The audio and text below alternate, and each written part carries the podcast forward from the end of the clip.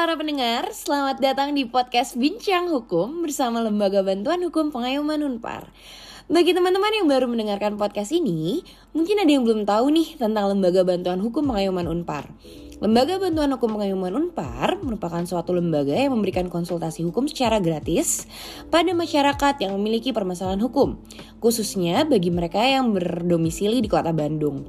Selain itu, kami juga memiliki beberapa kegiatan rutin, yaitu penyuluhan hukum, pelatihan hukum, siaran radio, podcast, konseling hukum, serta rapat kerja tahunan. Berhubung saat ini kami tidak dapat menerima konsultasi hukum secara tatap muka, bagi teman-teman pendengar yang memiliki permasalahan hukum dan hendak melakukan konsultasi, dapat menghubungi kami melalui email di lbh.pengayoman@unpar.ac.id atau melalui media sosial kami untuk Instagram di @lbhpengayoman, Twitter @lbh underscore pengayoman, dan Facebook di LBH Pengayoman. Informasi lebih lanjut mengenai LBH Pengayoman Unpar dapat diakses melalui www.lbhpengayoman.unpar.ac.id. Nah, kalau begitu tidak perlu berlama-lama lagi, simak podcast berikut ini.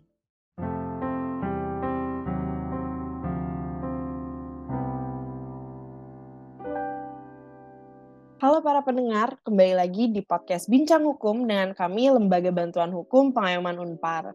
Perkenalkan, aku Diza, salah satu dari relawan yang akan berdiskusi bareng-bareng di podcast kali ini. Hari ini aku ditemenin sama Dava dan Dave, rekan-rekanku di LBH Pengayoman Unpar. Halo Dava, Dave. Halo Diza, halo Dava, apa kabar kalian? Aku baik sih Dave. Uh, Diza bagaimana?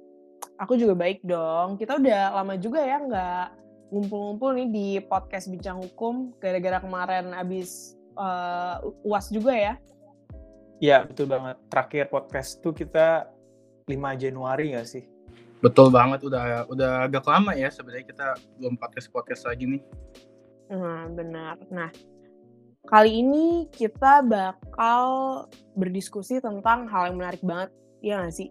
Sesuatu yang lagi ramai diperbincangkan di masyarakat ya nggak sih kasus ini tuh Mm-mm. Nah, belakangan ini banyak kasus-kasus persidangan selebriti yang jadi perhatian masyarakat luas ya.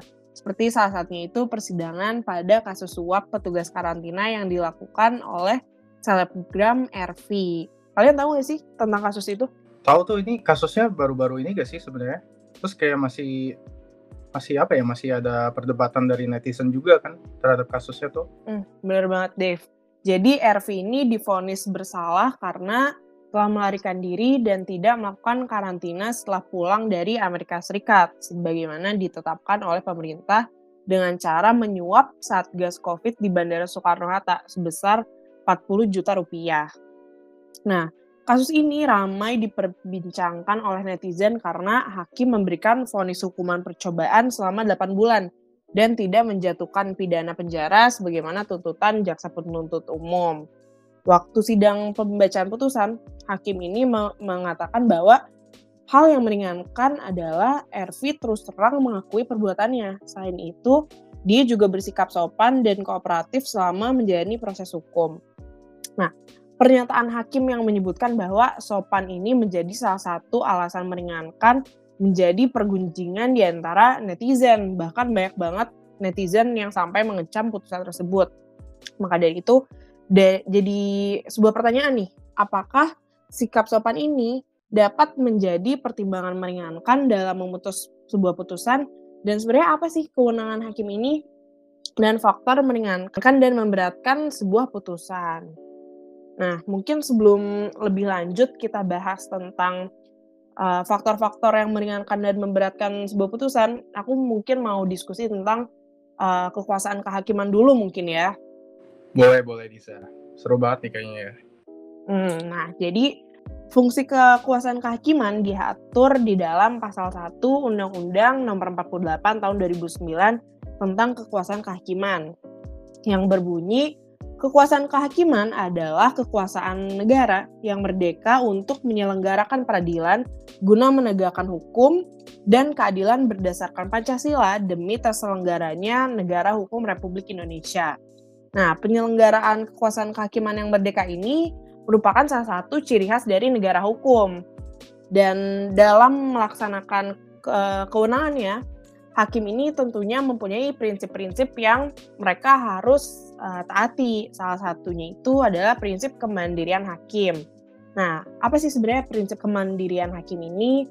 Nah, prinsip kemandirian hakim adalah kebebasan hakim dalam pelaksanaan tugas peradilan yang bebas dari campur tangan siapa pun dan bebas dari pengaruh apa pun yang dapat mempengaruhi keyakinan dan putusan pengadilan.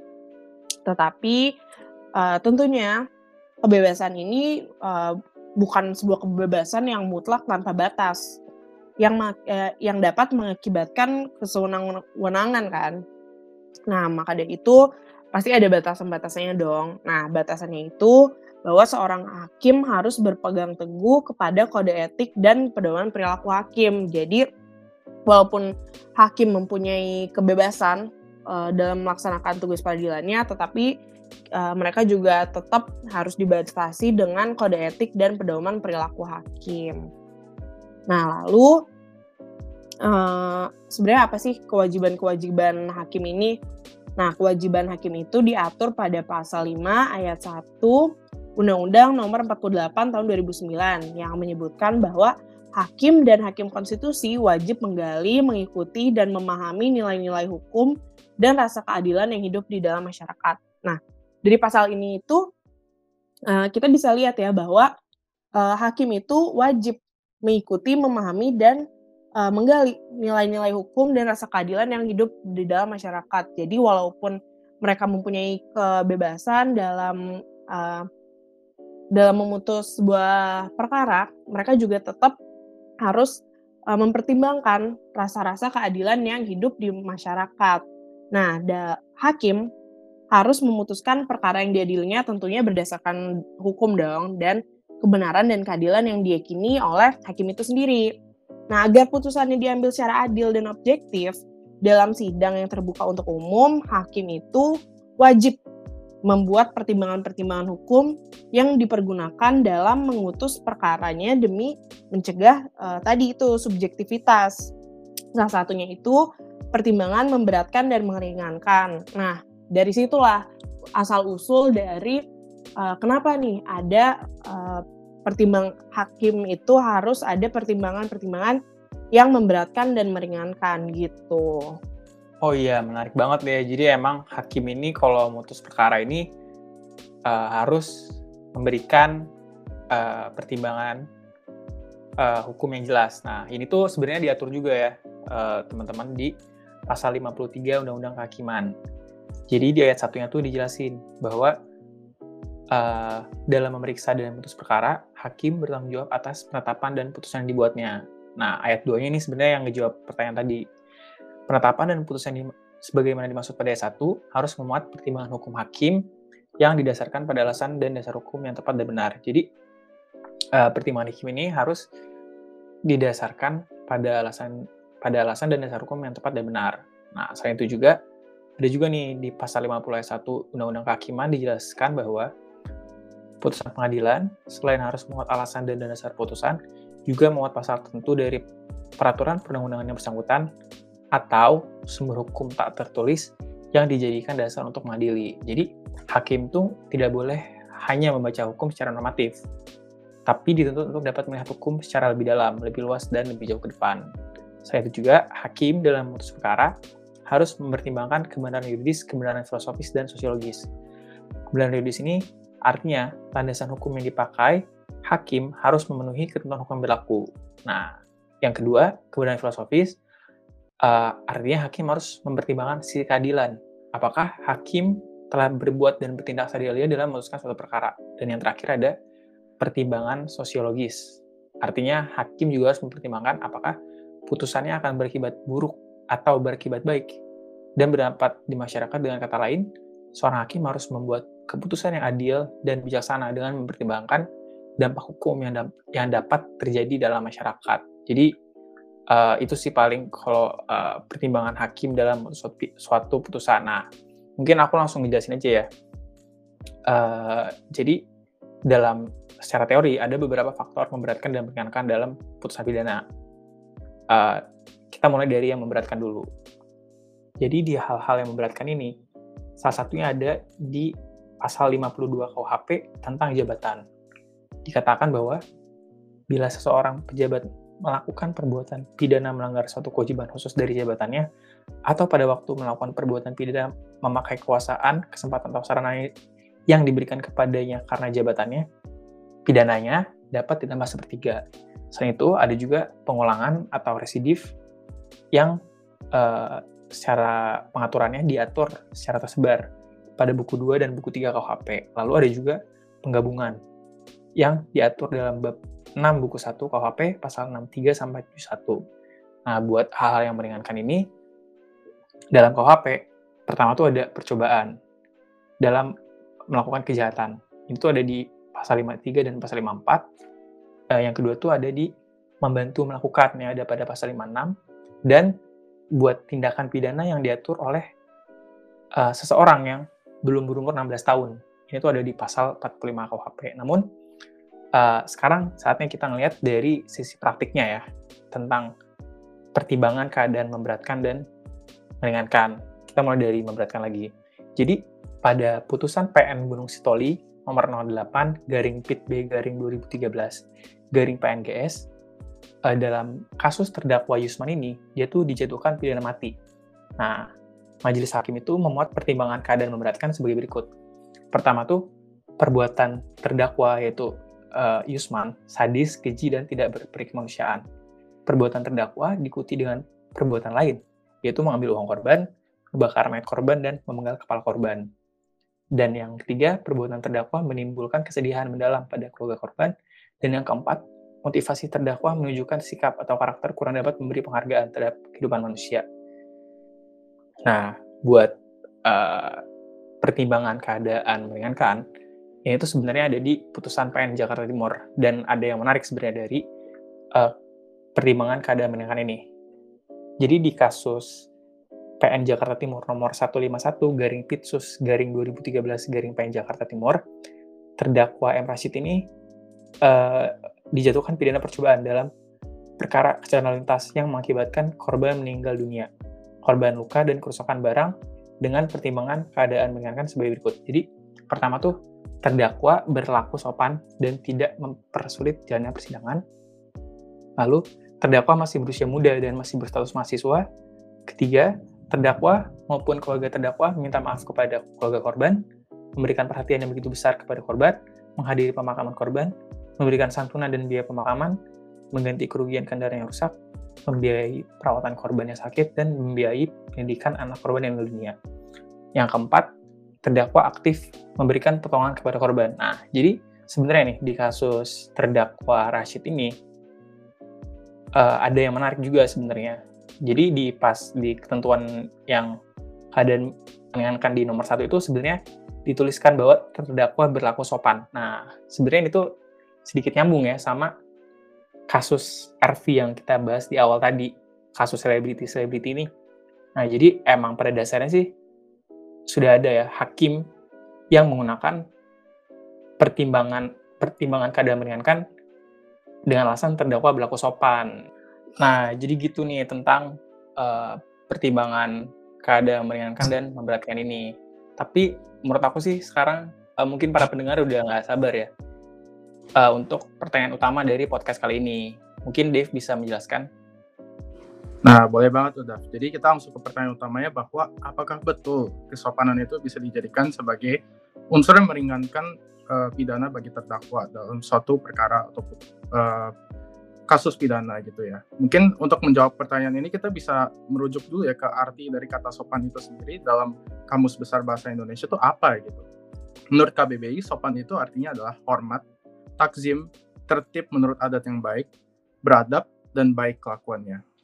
Nah, setelah mengetahui definisi dari sopan itu, baru kita bisa melihat nih dalam praktiknya gimana sih eh, pendapat eh, berbagai ahli gitu terhadap persoalan mengenai kesopanan ini gitu dalam suatu perkara pidana dari uh, dari sini kita bisa melihat ya bahwa memang dari praktiknya itu ada terbagi itu menjadi dua pendapat bahwa yaitu ada yang pro dan ada yang kontra dalam anggapan sikap sopan sebagai alasan yang meringankan pidana. Tapi uh, kita itu uh, mungkin melihatnya dari pendapat-pendapat ahli juga ya. Dan jadi dari pendapat ahli ini ada yang mengatakan bahwa sikap sopan itu tidak bisa dipertimbangkan sebagai keadaan yang meringankan karena memang sudah seharusnya gitu setiap orang dalam uh, persidangan itu harus bersikap sopan. Tapi di sisi lainnya ada juga nih yang mengatakan bahwa memberatkan pidana karena sifat jahat tapi tidak meringankan karena sifat yang baik itu bisa menimbulkan ketidakseimbangan peminadaan. Jadi yang diperhatikan di sini adalah keseimbangan atau kesetimpalan uh, dari keadaan yang memberatkan dan juga yang keadaan meringankan. Maka dari itu kita bisa melihat bahwa betul memang uh, terdapat pendapat yang pro dan ada juga pendapat yang kontra dalam anggapan sikap sopan sebagai alasan yang meringankan pidana. Tapi baik lagi bahwa uh, teman-teman kita tuh harus ingat kembali bahwa tujuan dari hukum itu adalah untuk menciptakan keadilan. Jadi uh, keadilan itu ditentukan melalui putusan hakim dalam persidangan dalam pasal 197 ayat 1 kitab uh, Undang-Undang Hukum Acara Pidana itu uh, dikatakan bahwa surat putusan pemidanaan itu harus um, memuat surat pertimbangan gitu mengenai fakta dan keadaan beserta alat pembuktian. Jadi uh, di sini itu memang uh, terlihat ya bahwa dalam surat pertimbangan itu berisi fakta dan keadaan beserta alat pembuktian yang diperoleh dari pemeriksaan di sidang. Nah, kalau keadaan dan fakta itu bisa dijadikan pertimbangan, berarti sopan dalam persidangan itu bisa diartikan juga sebagai keadaan gitu dalam persidangan gitu sehingga uh, bisa dimasukkan dalam pertimbangan hakim. Nah mungkin uh, kita langsung juga sekalian menyimpulkan ya podcast kali ini bahwa yang pertama memang terdapat uh, perbedaan pandangan terhadap kesopanan dalam uh, suatu perkara atau kasus pidana sebagai alasan yang dapat meringankan hukuman bagi terdakwa gitu. Nah, pro uh, pro-nya tadi juga sudah dijelaskan, pro-nya juga bahwa uh, kenapa sih bisa gitu terjadi pro dan kontra ini. Nah, alasannya adalah karena bahwa memang peraturan perundang-undangan kita itu belum secara jelas mengatur gitu batasan-batasan uh, atau panduan pemidanaannya itu di Indonesia itu bagaimana bagi hakim sehingga terjadi multitafsir dan juga terjadi uh, perbedaan pendapat lah mengenai uh, kesopanan ini gitu. Mungkin selanjutnya bisa dijelaskan oleh Giza. Nah, oke. Tapi di satu sisi kita juga nggak bisa melupakan ya teman-teman bahwa hakim itu memang mempunyai kekuasaan dan kebebasan untuk memutus suatu perkara sebagaimana tadi uh, sudah kita bahas ya di awal podcast kali ini. Nah, memang seperti yang tadi disinggung oleh Dave, uh, di Indonesia ini belum uh, diatur standar yang jelas uh, atas pedoman atau petunjuk pemidanaan. Tetapi dalam perkembangannya di rancangan Kitab Undang-Undang Hukum Pidana tahun 2019 uh, terdapat wacana pembuatan panduan atau pedoman pemidanaan yang diatur pada pasal 53 sampai 57. Nah, hal ini tentunya adalah sebuah perkembangan yang sangat baik ya untuk uh, hukum pidana Indonesia ke depan. Tapi kita juga harus berhati-hati dalam perancangan uh, ketentuan ini jangan sampai mengurangi kebebasan hakim. Oke teman-teman, cukup seru ya perbincangan hari ini. Namun sayangnya kita sudah sampai di penghujung podcast kali ini. Terima kasih kepada para pendengar yang selalu setia mendengar podcast kami. Sampai jumpa di episode podcast selanjutnya. Salam sehat.